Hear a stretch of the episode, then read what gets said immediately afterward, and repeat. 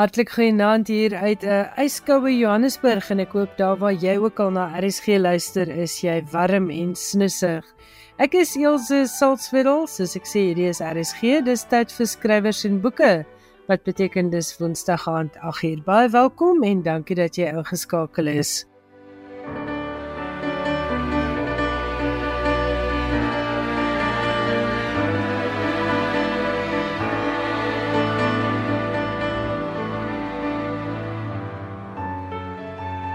Die Kanadese sanger en liedjie-skrywer Emily Hines het die skryfproses eenmaal vergelyk met 'n donker tonnel.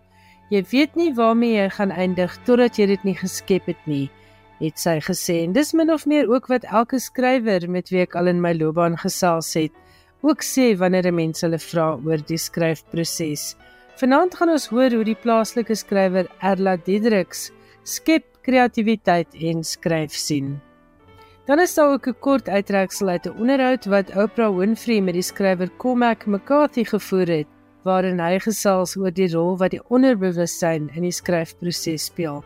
McCarthy is 'n paar dae gelede oorlede en Johan Meiberg bring van dese week hul daarom. Johan gesels ook oor die polemiek wat losgebars het rondom The Snow Forest. Dit is Elizabeth Gilbert se jongste roman wat nou van die publikasielyste onttrek is. Johan het ook vir ons nuus oor 'n vertaling van George Orwell se Animal Farm wat binnekort in Zimbabwe verskyn, die eerste Zimbabwese uitgawe ooit. En Johan sê ook vir ons wie is vanjaar se wenner van die gesogte Women's Prize for Fiction. Ons het nou al 'n paar weke lank gepraat oor die langlys, die kortlys en wie die gunstelinge is. Dan gee RSG se programbestuurder Kobus Burger en Estel de Beer Sy is die senior vervaardiger mandaat hier by RSG vir so 'n bietjie radiodrama skryfraad. En dit is nou vir almal wat wil inskryf vir vanjaar se ATKV RSG radiodrama skryfkompetisie. Ek hoop jy geniet die program.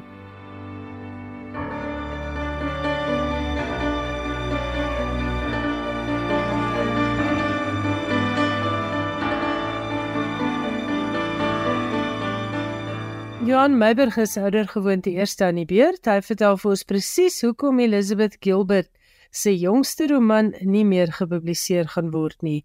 In elk geval nie binnekort nie.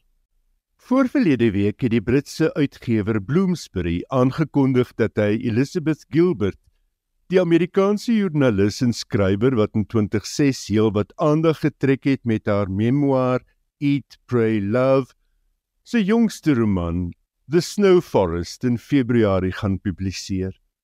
Die boek is 'n historiese roman wat geplaas is in Siberië en gaan oor 'n familie van godsdienstige Russiese fundamentaliste wat vir 44 jaar in afsondering gewoon het.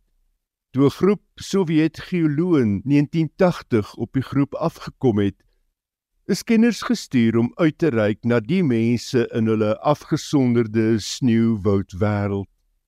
Maar intussen het Gilbert se Oekraïense lesers heftig te velde getrek teen die publikasie van die boek en het Gilbert aangekondig dat die boek nie meer op die huidige publikasieskedule is nie. Gilbert het gesê na die aankondiging van die boek het sy 'n stortvloed reaksies van Oekraïense lesers gehad waarin hulle hul woede, hartseer, teleurstelling en pyn verwoord oor die feit dat sy gekies het om juis nou 'n boek te publiseer wat in Rusland geplaas is. Al wat ek wil sê is dat ek die boodskap gekry het en al die boodskappe gelees het en respek het daarvoor. As gevolg daarvan bring ek nou 'n verstelling aan en onttrek die boek aan die publikasieskedule. Dis nie nou die tyd om hierdie boek uit te gee nie, het sy gesê. Die laaste ding wat ek wil doen is om 'n las te plaas op 'n groep mense wat reeds soveel moes verduur en steeds aangevaar en ontbering uitgelewer is. Die oorlog in Oekraïne nadat Rusland die land ingeval het, woed reeds sowat 500 dae lank. Gilbert het gesê sy het ander boekprojekte om aan te werk en dat sy besluit het om haar aandag nou eerder daarop te vestig. Intussen het literêre agente aldus The Guardian aangedui dat die lesersmark in Rusland nou uitgehonger is vir ontspanningsleesstof en dat dit aanleiding gee tot aantreklike uitgeregte in die land. Heelwat skrywers het egter aangedui dat hulle nie wil raak aan Russiese geld terwyl die oorlog woed nie. Skrywers wat reeds aangedui dat hulle nie boekkontrakte met Rusland gaan hernie nie, sluit in Linwood Barkley, Stephen King en Joe Abercrombie. Gilbert se Eat Pray Love is in meer as 30 tale vertaal en meer as 12 miljoen eksemplare van die boek is verkoop. 'n Rolprent weergawe van die boek het in 2010 verskyn. Skrywers en boeke. Alles wat jy oor die boekewêreld wil weet en meer.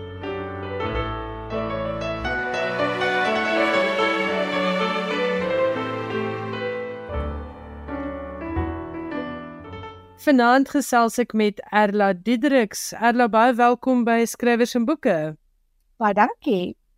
Jy is al 'n ou hand as dit kom by skryf. Jy skryf al 3 dekades as joernalis. Jy's 'n rubriekskrywer en jy het nou 'n hele rits boeke op jou kerfstok. Ek dink Salemstraat is jou 9de boek, korrek? Ja, dis reg so. Dit is 'n heerlike afregse boek, 'n vinnige pas in Salemstraat wat die storie vertel van 'n gewone middelklas buurt waar daar eendag twee skote afgevuur word, maar Salemstraat sal nooit weer dieselfde wees nie. So ek gaan vanaand met jou oor Salemstraat praat, maar ek wil ook eers bietjie verder teruggaan en hoor, hoe het jy joernalis geword? Was dit iets wat jy altyd wou wees? En natuurlik dan, hoe gaan 'n mens van journalistiek tydskrif en koerantjournalistiek na fiksie. Ek wou nog altyd skryf, dit was my groot liefde en om 'n joernalis te word was my droom en dan ook om 'n boek te skryf. So ek het ehm um, geswat by ehm um, Universiteit van Noord-Amerika Vrystaat en toe ek in die journalistiek beland, maar om te skryf was nog altyd agterkant van my kop. En my eerste boek was 'n memoir wat ek eers geskryf het. Ek dink ek was 42. Dit het ek die eerste keer die moed gehad het om te skryf. En dit was Sin Sushi and Survival wat nogal die tonge los gehad het. Jy beskryf dit ook as 'n boek wat 'n uh, kultusstatus bereik het onder vroue. Hoekom dink jy was dit so kontroversieel? Ek dink omdat dit gegaan het oor vroue mishandeling wat um, deesdae uh, baie algemeen oor gepraat en geskryf het, maar daardie tyd was dit 'n uh, taamlike ehm um, mense het nie so maklik daaroor gepraat nie en ek was 'n be uh, uh, nie 'n bekende persoon nie, maar iemand wat in die skryfsfeer was wat bereid was om daaroor te praat. En dan ook die seksuele avonture daarin, dink ek het mense ook laat voel dat hier is iemand wat uiteindelik vertel wat gebeur met 'n vrou wat ook geskei is en 'n vrou wat haar liggaam en siel probeer terugvind op op op ander maniere daar't so van 'n beweging begin waar vrouens en my toe se kom en vir my vir my sê op hierdie bladsy het ek my man gelos. Op hierdie bladsy dan sal hulle sulke hoekies maak en sê op hierdie bladsy het ek besluit ek sien myself in jou boek en ek gaan waai. So dit was baie spesiaal. Dit het seker 'n klomp moed geverg om dit te doen. Het jy baie lank gedink daaroor of het jy maar net op 'n dag opgestaan en besluit ek gaan dit nou doen?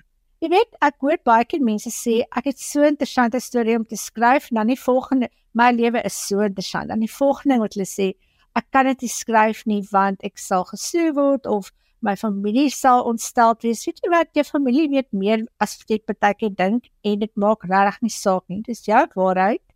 En ek voel meer mense oor hulle eie waarheid praat en minder begin omgee oor wat hulle ma en pa en familie gaan sê. Jy weet dit beter. Jy het nog 'n memoir geskryf, Seks, Leuns en die Internet en daarna het jy aanbeweeg na fiksie en ek is baie beïndruk met hoe vinnig jy die fiksie produseer. Is dit iets wat jy lankal aan gewerk het, maar net ook nooit die moed gehad het om vir 'n uitgewer te stuur nie of hoe hoe gebeur dit dat jy so produktief is?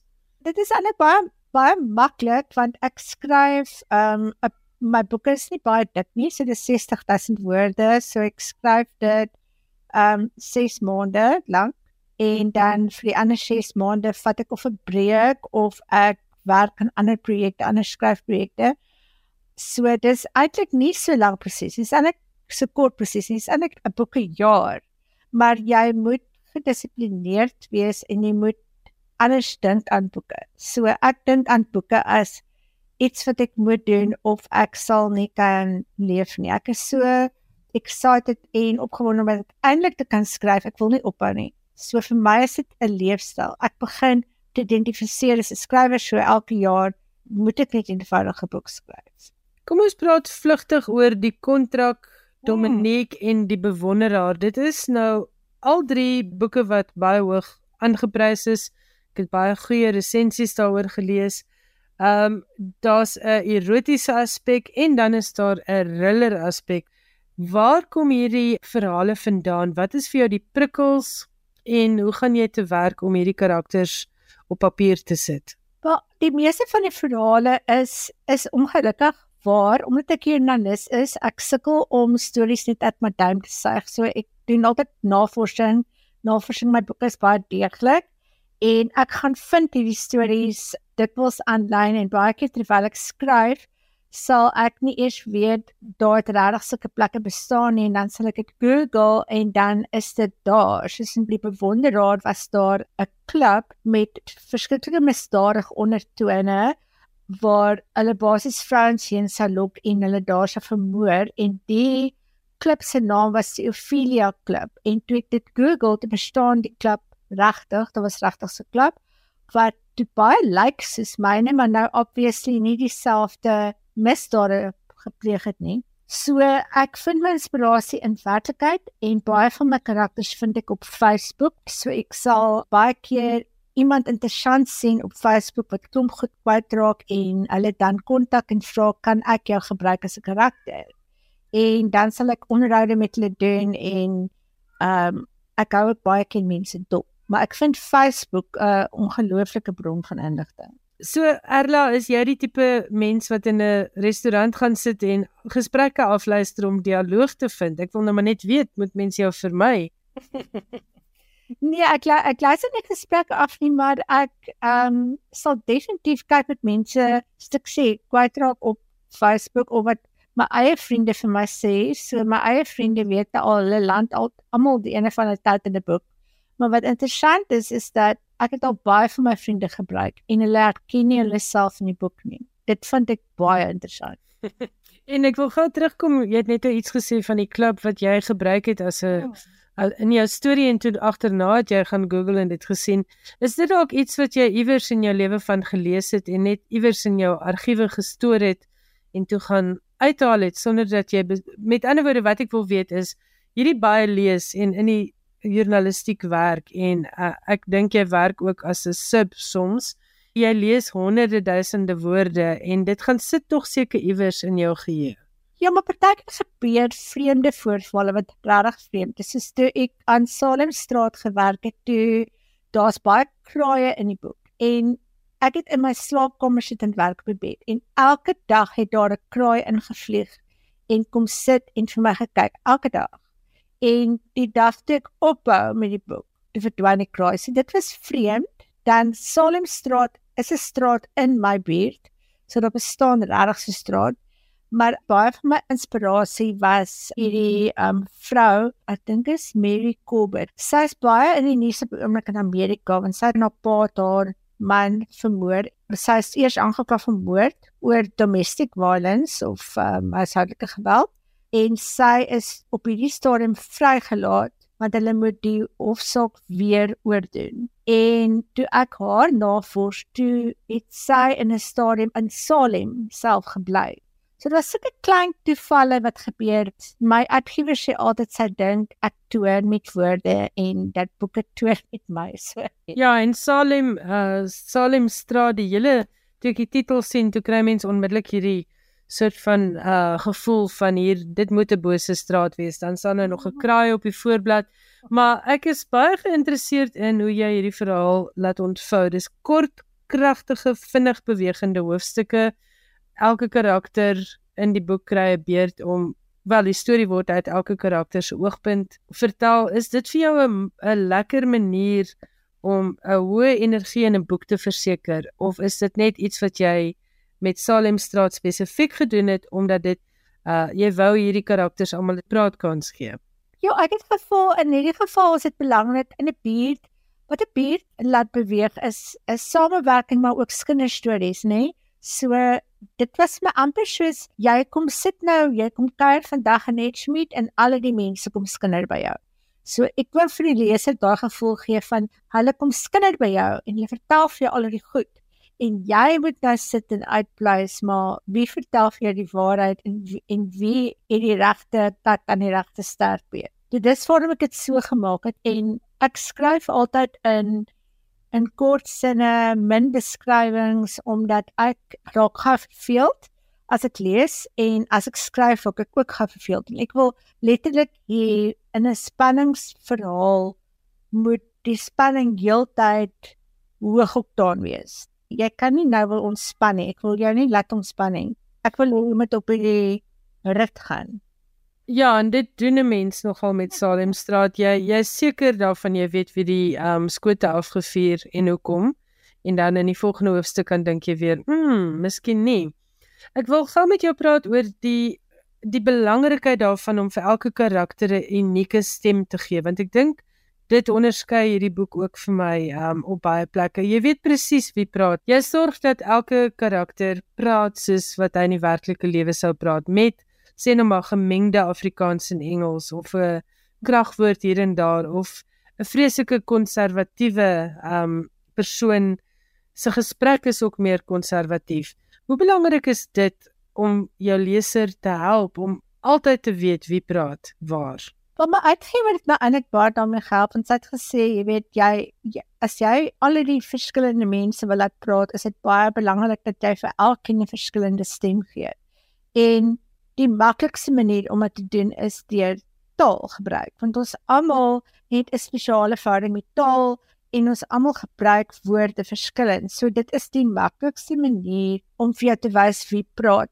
En ek voel ek skryf altyd in 'n baie mooi Afrikaans, suiwer Afrikaans, maar as jy praat met dialoog, 'n skoonheidskundige wat in Edgemead bly, gaan nie 'n suiwer Afrikaans praat nie. 'n Joernalis gaan nie 'n suiwer Afrikaans praat sonder 'n vloekwoord nie. Dit is maar ek veralgemeen nou, maar jy weet, ek wou dit so skep dat jy dadelik hierdie mense kan sien. En mense praat, hulle praat en ons gaan nie daarvan kan wegkom nie. Dis baie waar. Ek wil nou sommer met jou praat sien dit dat jy 'n joernalis is en dat jy met woorde werk al vir 30 jaar lank. As jy vanaand 'n bietjie skryfraad kan gee, wat sal dit wees? Daar's mense wat vanaand sit en luister en dink as sy dit kan doen, dan moet ek dit dalk ook net probeer. Maar my eerste raad wat ek altyd sê is, is gaan plak jou agterend neer op 'n stoel en begin net skryf daar is nie so iets soos 'n muus nie of as daar 'n muus is, gaan sy jou net vind as sy jou kan sien skryf. En die ander ding wat ek altyd sê is die grootste fout wat skrywers maak is natuurlik daai ding van hulle hulle wil alles vir jou vertel, hulle wil nie vir jou wys nie. Die grootste vloekwoord wat jy kan gebruik is soos vir my woorde wat lepeltjies in die mond gaan plaas van jou lesers. Maar my grootste raad is almal is bang, jy's bang. Jy's bang jou boek gaan nie aanvaar word nie, mense gaan vir jou lag. En my reaksie op is ja, jy gaan kritiek kry. Ja, mense gaan soms vir jou lag. Al jou vrese gaan waar word. Maar dan gaan dit mense wees wat van jou boek gaan hou. En die belangrikste is as jy hierdie verskriklike drang het om te skryf. Life is so short. Die lewe is kort. Skryf. Skryf net skryf net. Dis 'n baie baie goeie beginsel. Maar hoe belangrik is lees? Kan die een sonder die ander? Jy moet lees. Hoe gaan jy weet hoe 'n boek werk? Wat 'n boek moet wees? Wat hoe lesers is? Hoe lesers dit? Ek stel altyd baie belang op wat gewone mense met gewone mense bedoel ek nie resensente nie. Gewone mense voel in my boek want hulle is lesers. 'n Leser weet meer van 'n boek af as enige persoon met letterkundige graad wat nie boeke verslind nie. So 'n boek verslind en 'n boek hom is vir my die ware kenner van 'n boek. En as jy wil skryf, beter jy baie lees.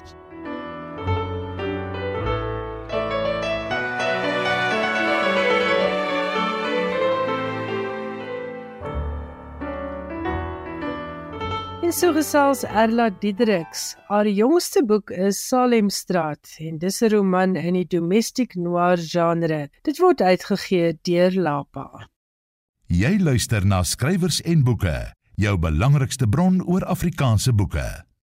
Nou ja, as jy na daardie gesprek met Erla dalk kriewel om jou verhaal neer te skryf, hier is 'n wonderlike kans as jy dalk rondloop met 'n jeugverhaal. Lapa Uitgewers wag tans inskrywings in vir die jeugverhaal kompetisie en die sluitingsdatum is 31 Oktober 2023. Jou verhaal moet natuurlik in Afrikaans geskryf wees. Dit moet gemik wees op lesers tussen 11 en 18 jaar, maar daar's verskeie onderafdelings want net soos alle tieners nie dieselfde is nie, so is elke jeugverhaal ook nie dieselfde nie. Skrywers kan hulle verhale struktureer volgens die volgende onderafdelings. Ek gee graag 'n oorsig oor die verskillende onderafdelings, maar vir die volledige inligting gaan maak asseblief 'n draai op Lapa se webwerf. Kom ons kyk na jeugromans vir jonger tieners. Dit is vir ouderdomsgroepe 11 tot 13 jaar. Manuskripte vir hierdie ouderdomsgroep is tussen 25000 en 30000 woorde lank. Daar's ook 'n afdeling vir tienerfiksie en dis gemik op tieners tussen 13 en 15 jaar. Manuskripte hiervoor moet tussen 30000 en 45000 woorde lank wees. Dan is daar 'n afdeling getiteld Jong volwassene fiksie en dit is gemik op jong mense tussen 15 en 18 jaar. Hierdie boeke is 'n bietjie dikker. Die manuskripte is tussen 45000 en 70000 woorde lank. Alle inskrywings moet die deelnemers se oorspronklike ongepubliseerde werk wees. Beoordelaars sal 'n wenmanuskrip in elke afdeling aankondig en die wenner, die algehele wenner kry uiteindelik R30000 met die twee naaswenners wat elkeen R15000 gaan loslaan gaan maak gerus 'n draai op Lapa se webwerf by lapa.co.za vir die volledige kompetisiereëls vir Lapa se jeugroman kompetisie. Die sluitingsdatum is 31 Oktober. Johan Meiberg sluit nou vir ons die eerste helfte van Finansie Skrywers en Boeke af en hy het vir ons nuus oor die gesogte Women's Prize for Fiction en wie vanjaar met hierdie prys wegstap en jy sou haar naam beslis al 'n paar keer hier op skrywers en boeke gehoor het. Met Demon Copperhead het Barbara Kingsolver pas die 2023 Women's Prize for Fiction gewen en daarmee die eerste skrywer geword om die prys die tweede keer te wen. Sy het die prys ook in 2010 gewen met The Lacuna Die beoordelaars het Demon Copperhead beskryf as 'n toonaangewende en kragtige boek wat uittoring in sy beskrywing van die hedendaagse FSA, die dwelmkrisis en die jammerlike hantering van gemeenskappe aan die rand van die samelewing. Nietemin was dit die versigtige optimisme, veerkragtigheid en deursettingsvermoë van die hoofkarakter in die boek wat die beoordelaars beïndruk het. Saam met King Solver was ook op die kortlys Jacqueline Crooks met Fire Rush, Louise Kennedy met Trespasses, Priscilla Morris met Black Butterflies, Maggie O'Farrell met The Marriage Portrait en Leline Paul met Pod. Jy luister na skrywers en boeke op RSG. Ek is Elsje Saltzwedel. Dit was die eerste deel van Finansie Skrywers en Boeke.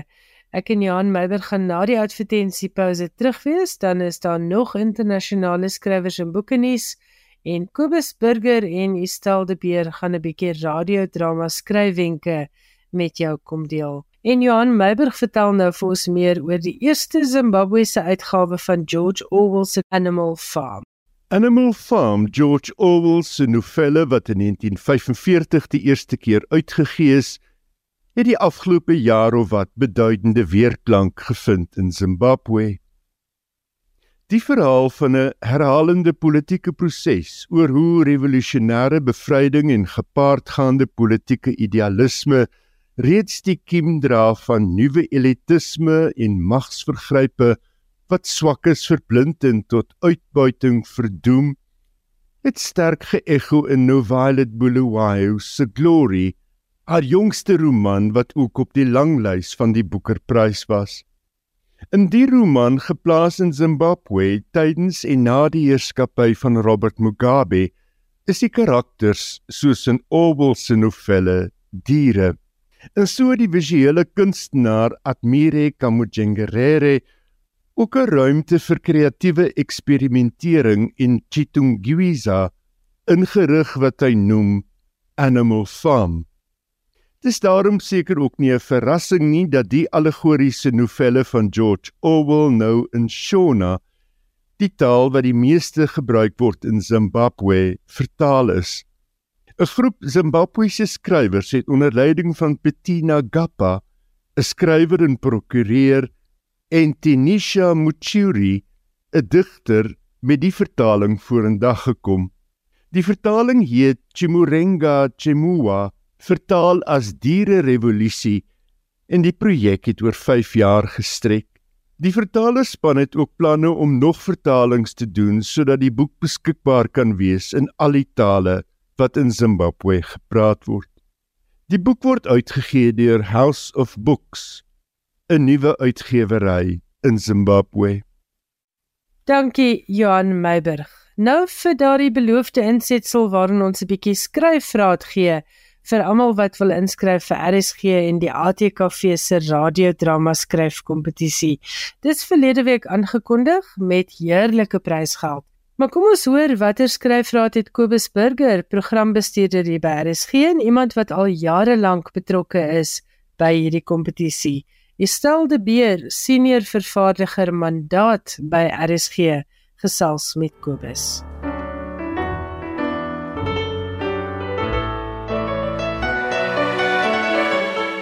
'n Radiodrama is 'n storie wat vertel word. Die storie is soms moeiliker om te formuleer as die tegniese vereistes van 'n radiodrama. Kobus, hoe werk 'n storie?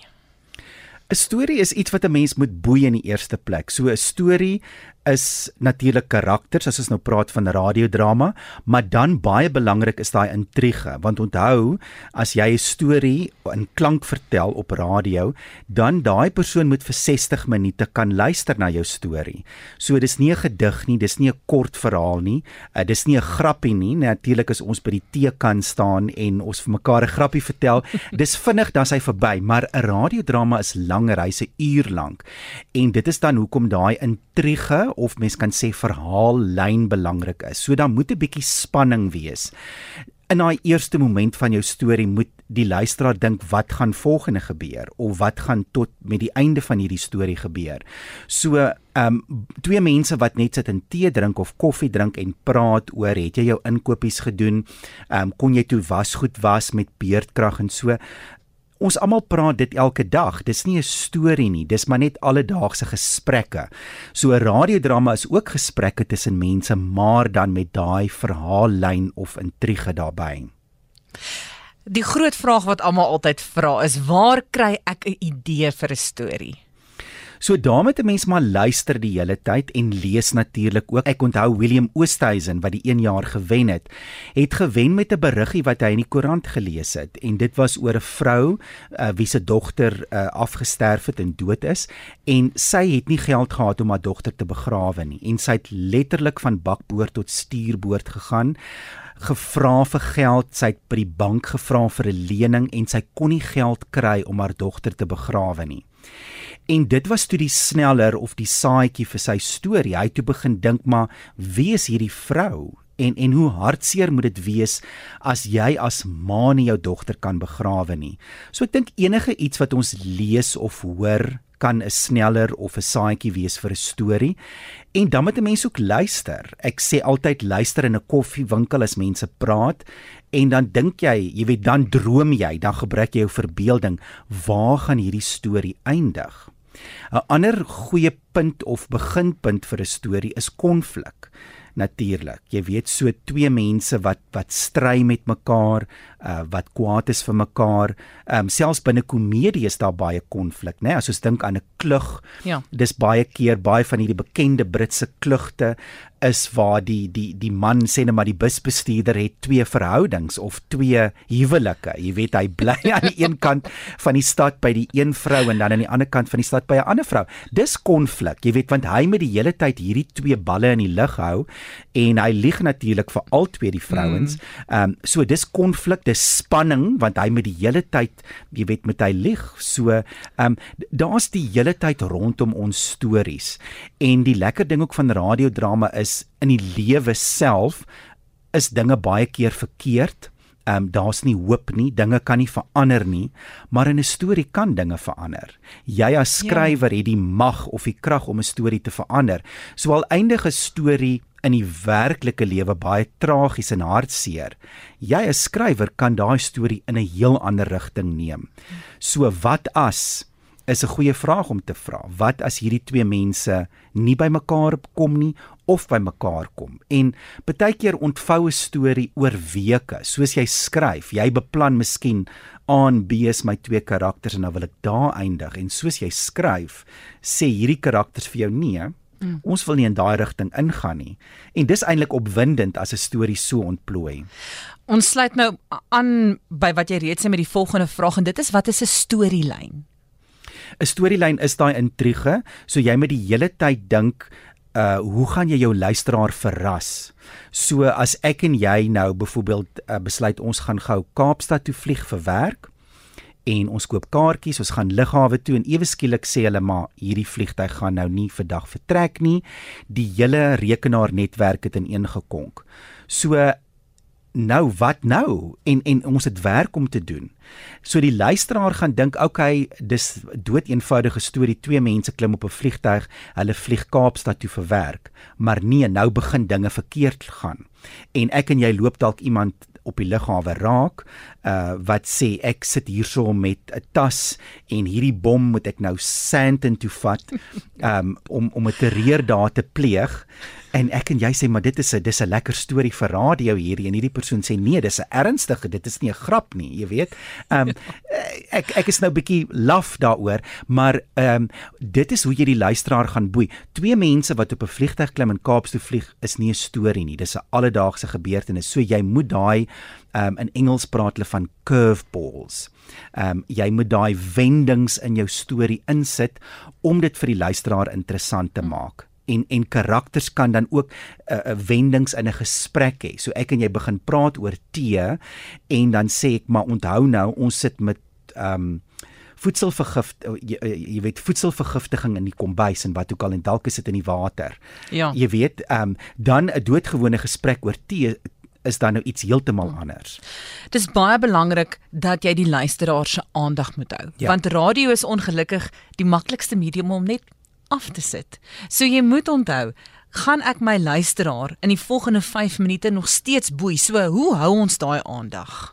Ek sal ook byvoeg radio is die wreedste medium want is die demokrasie. So ek kan enige tyd afskakel. Ek kan 'n pot gooi gaan luister, ek kan musiek gaan luister, ek kan Netflix kyk. Mm. So die my keuses is tientalle keuses wat ek op die tafel het. So daai radiodrama moet jou boei. So hoe boei 'n mens met daai konflik, met daai drama, met interessante karakters. So jy moet moeite doen om interessante karakters te skep, goeie dialoog, sterk dialoog, dialoog wat jou prikkel, dialoog wat jou laat dink.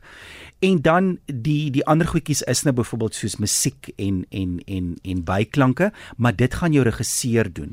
Jy as skrywer moet sorg dat daar sterk karakters is, 'n sterk narratief of verhaallyn en en dit is maar stoei, jy weet, 'n partykeer skryf 'n mens ook sê net maar 60 bladsye, 80 bladsye en dan moet jy nou al daai wollerigheid gaan uitsny. Jy moet tot op die been sny dat daai 40 bladsye mm. Net die beste is. Ons praat van eenvoud is geen fout en dan in 'n radiodrama, hoekom is dit belangrik dat dit eenvoudig moet wees? Onthou, jy het net twee paar ore, so jy kan ook jou luisteraar verwar met te veel klanke, met te veel goed wat gebeur met ontploffings en karre en remme en klanke en en 'n klomp gepraat ook baie mense byvoorbeeld sinema ses mense rondom 'n tafel wat gelyktydig praat is verwarrend. Die luisteraar gaan nie weet wie praat nou nie. So ek sal altyd sê ook hou by 'n eenvoudige drama. As jy 'n nuwelingskrywer is dalk net twee karakters of drie karakters. So dis daai oefenwielietjies teen die fiets. Ja. net om te begin.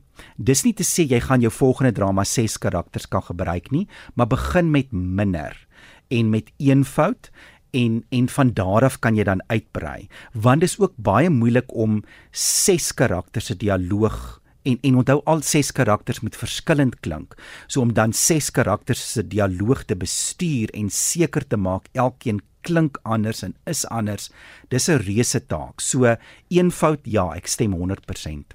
So volgende week gaan ons 'n bietjie verder gesels oor uh, die karakters en hoe om daai karaktervorming te doen. Maar vir nou ons wil die luisteraars uitnooi om in te skryf en Kobus jy hoef nie 'n skrywer te wees nie. Nee. Glad nie. Nee. Onthou net om te kan luister en en 'n storie in klank te vertel. Ons doen dit eintlik almal van kleins af. Ehm um, het ons ouers of ons ma's en pa's vir ons stories gelees. Ons luister eintlik stories voor ons hulle lees. So ons almal het daai gawe en radiodrama skryf is anders as opstel skryf of kreatiewe skryfwerk. Jy hoef nie baie byvoeglike naamwoorde te gebruik nie. Jy skryf soos mense praat, soos ek en jy nou hier praat. Ehm um, so dit is eintlik 'n baie maklike manier om te skryf, 'n eenvoudige manier om te skryf. Ja, daar's aspekte daarvan wat dalk oorweldigend kan wees, maar daar's 'n handleiding. Gaan kyk en dan is daar radiodrama by rsg.co.za as jy vashak, as jy daar sit en skryf in die aand skryf goue e-pos en sê weet jy ek is nou nie seker hiervan nie.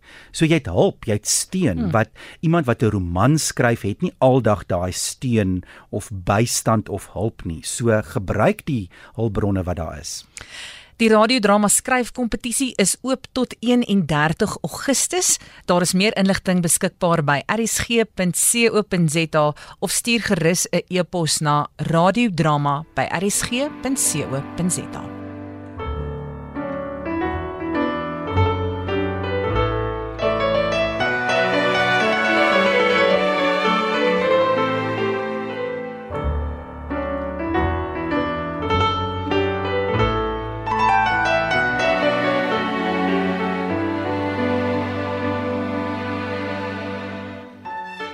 Baie dankie Kobus Burger en Estel de Beer. En as jy nog praktiese opsoek met die skryf van jou radiodrama, gaan maak gerus 'n draai op RSG se webwerf want ons het vir jou selfs 'n volledige handleiding om daar by rsg.co.za af te laai en al die kompetisiereëls is ook daar op die webwerf. Cormac McCarthy, een van die FSA se bekendste skrywers, is verlede week oorlede. En Johan Meiberg vertel nou vir ons meer oor die man agter die talle topverkoperboeke.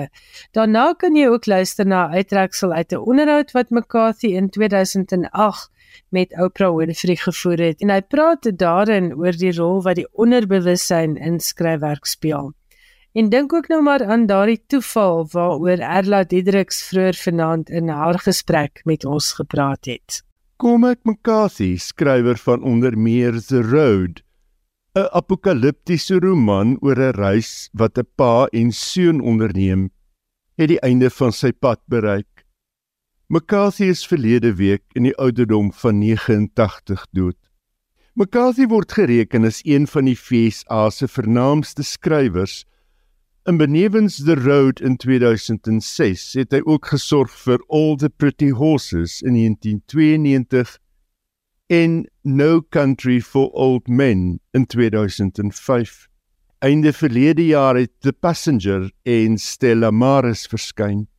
McCarthy het selde onderhoude toegestaan. Wat oor hom bekend is, is dat hy in Tennessee groot geword het, later sy studies aan die universiteit in Tennessee gestaak het om by die Amerikaanse lugmag aan te sluit en toe na 4 jaar weer terug is universiteit toe. Hy het weer opgeskop en in 1959 begin skryf. Sy eerste roman, The Orchard Keeper, het hy geskryf terwyl hy as auto-elektriesien gewerk het en kwaliek liggaam en siel bymekaar kon hou. In 1968 het gevolg Outer Dark en in 1973 Child of God en in 1979 die semi-autobiografiese Satri wat dikwels beskryf word as sy vermaaklikste roman. In 1985 het hy 'n deurbraak behaal met Blood Meridian. Die verhaal geskoei op gebeure op die Texas-Mexico grens in die 1950s. The New York Times het die boek beskryf as die bloedigste boek sedert Homeros se Ilias. By geleentheid het McCarthy opgemerk dat as lewe en dood nie in die prentjie kom nie, dit nie interessant is nie. In hierdie opsig het hy uitgeblink en op sy lenige en poëtiese trant uitdrukking gegee aan die donker kant van die mens se aard. So die skrywer Saul Bellow indertyd verwys na McCarthy se verstommende taalgebruik en sy life-giving and death-dealing sentences.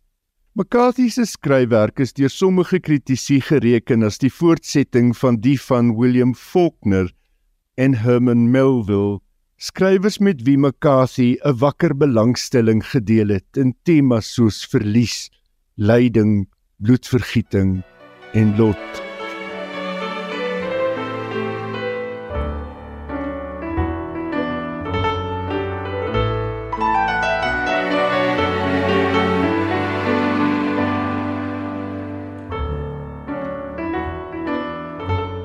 How do you know when it's time to let it go? How do you know when the book has said you're done? How do you know?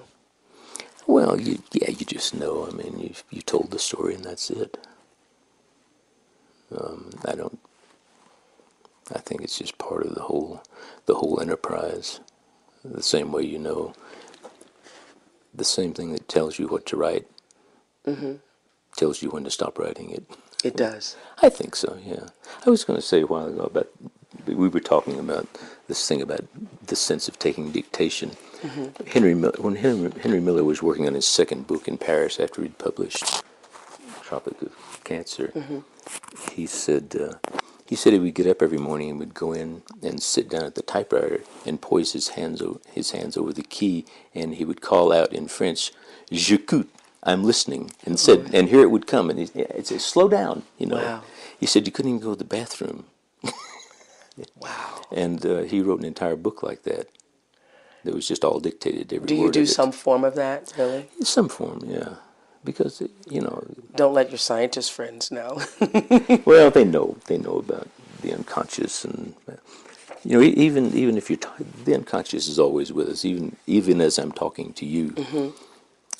I'm very busy talking, and I'm watching you to see what your reactions are, and I'm saying these words, but but s- somewhere in my head, someone's making up the next thing I'm going to say, which I don't even know what it is yet. yeah. But you can't do two things at the same time. Yeah. And it may be that you know, the subconscious is really a committee, and uh, they they may have meetings and say, "What do you think we should tell him? Should we tell him that? No, he's not ready for that. Well, let's." it's a way of putting things, but it's very, uh, you know, sometimes the the sense of the subconscious, the, the sense of the, of the subconscious and its role in your life is just uh, something you can't ignore No, you can't. in science, a lot of time, a lot of times, the people work on problems and just hit a wall and can't solve them, and they'll be so, the most famous one. Be solved in dreams. The most famous one is is Kekule's benzene ring. Hmm. He was doze. He was he was he couldn't figure out what benzene looked like. He couldn't figure out the the shape of the molecules and everything, and and he fell asleep in front of his fire, and he and he dreamt of the hoop snake, the Ouroboros, the snake with its mm-hmm. tail in its mouth. And when he woke up, he realized, oh, it's a ring. well, that Came to him in his raises, dream. Yeah. the dream, and the dream's the subconscious. Yeah. yeah, and, but that raises the question as to why, you know, if if your subconscious has solved this problem and is ready to tell you, why wouldn't it just say, "Hey, Kukuli, it's a ring"? ring, yeah. Why wouldn't it do it that way? We don't know, but it may it may have to It's do that brain thing again. It may have to do with you know the subconscious being older than language, and maybe it's more comfortable creating little dramas and telling you things. But it has to understand language. I love that thought. Yeah, I love the thought of that. The subconscious being older than language. I hadn't thought of it that way before. yeah. So maybe you know, language is pretty. We have a linguistic program here at, at SFI, um, and uh, you know we meet occasionally and have linguists from all over the world. A lot of them are from Russia. Um, but you know, language is language is probably no more than about seventy thousand years old. Well, compared to the three or four million years that we've been here, that's very recent. Um, but it understands language because it understands the problems that you're working on, and then it, when you're sleeping, it will work on them for you. And that's why the rings came when he went to sleep. Yeah. Yeah. And sometimes, see, sometimes it will it will be quite specific. There's uh, there was some years ago a, um, a math mathematician at MIT, and he uh, he was working on a problem that was really very important to him. It was a major problem, and he just could not get it. And he, he absolutely had hit a wall. And his friends were worried about him. His wife was worried about him. Mm-hmm. He was very depressed. And then one night he went to sleep, and he dreamt he was having dinner with John Nash. With John Nash? Yeah, and everybody knows John Nash because there was a film made about him, A Beautiful Mm-hmm. Mind. And, and, and so they're chatting, and in the course of this conversation, he explained the problem to Nash. And Nash said, Hmm, I think I see something. Let me borrow your pencil. And he wrote some equations on the napkin and explained what he'd done, and then the guy woke up. And he turned on the lamp, and he had his little pad by the table there, and he scribbled down the equations and scribbled down a couple of notes to himself and went back to sleep. Well, the next morning he woke up, and the first thing he thought was, God, what a strange dream. I wonder what kind of gibberish I've written on my little pad. And when he looked on the pad, here was this really elegant solution to the problem. So he wrote up the paper and he cited Nash as co author.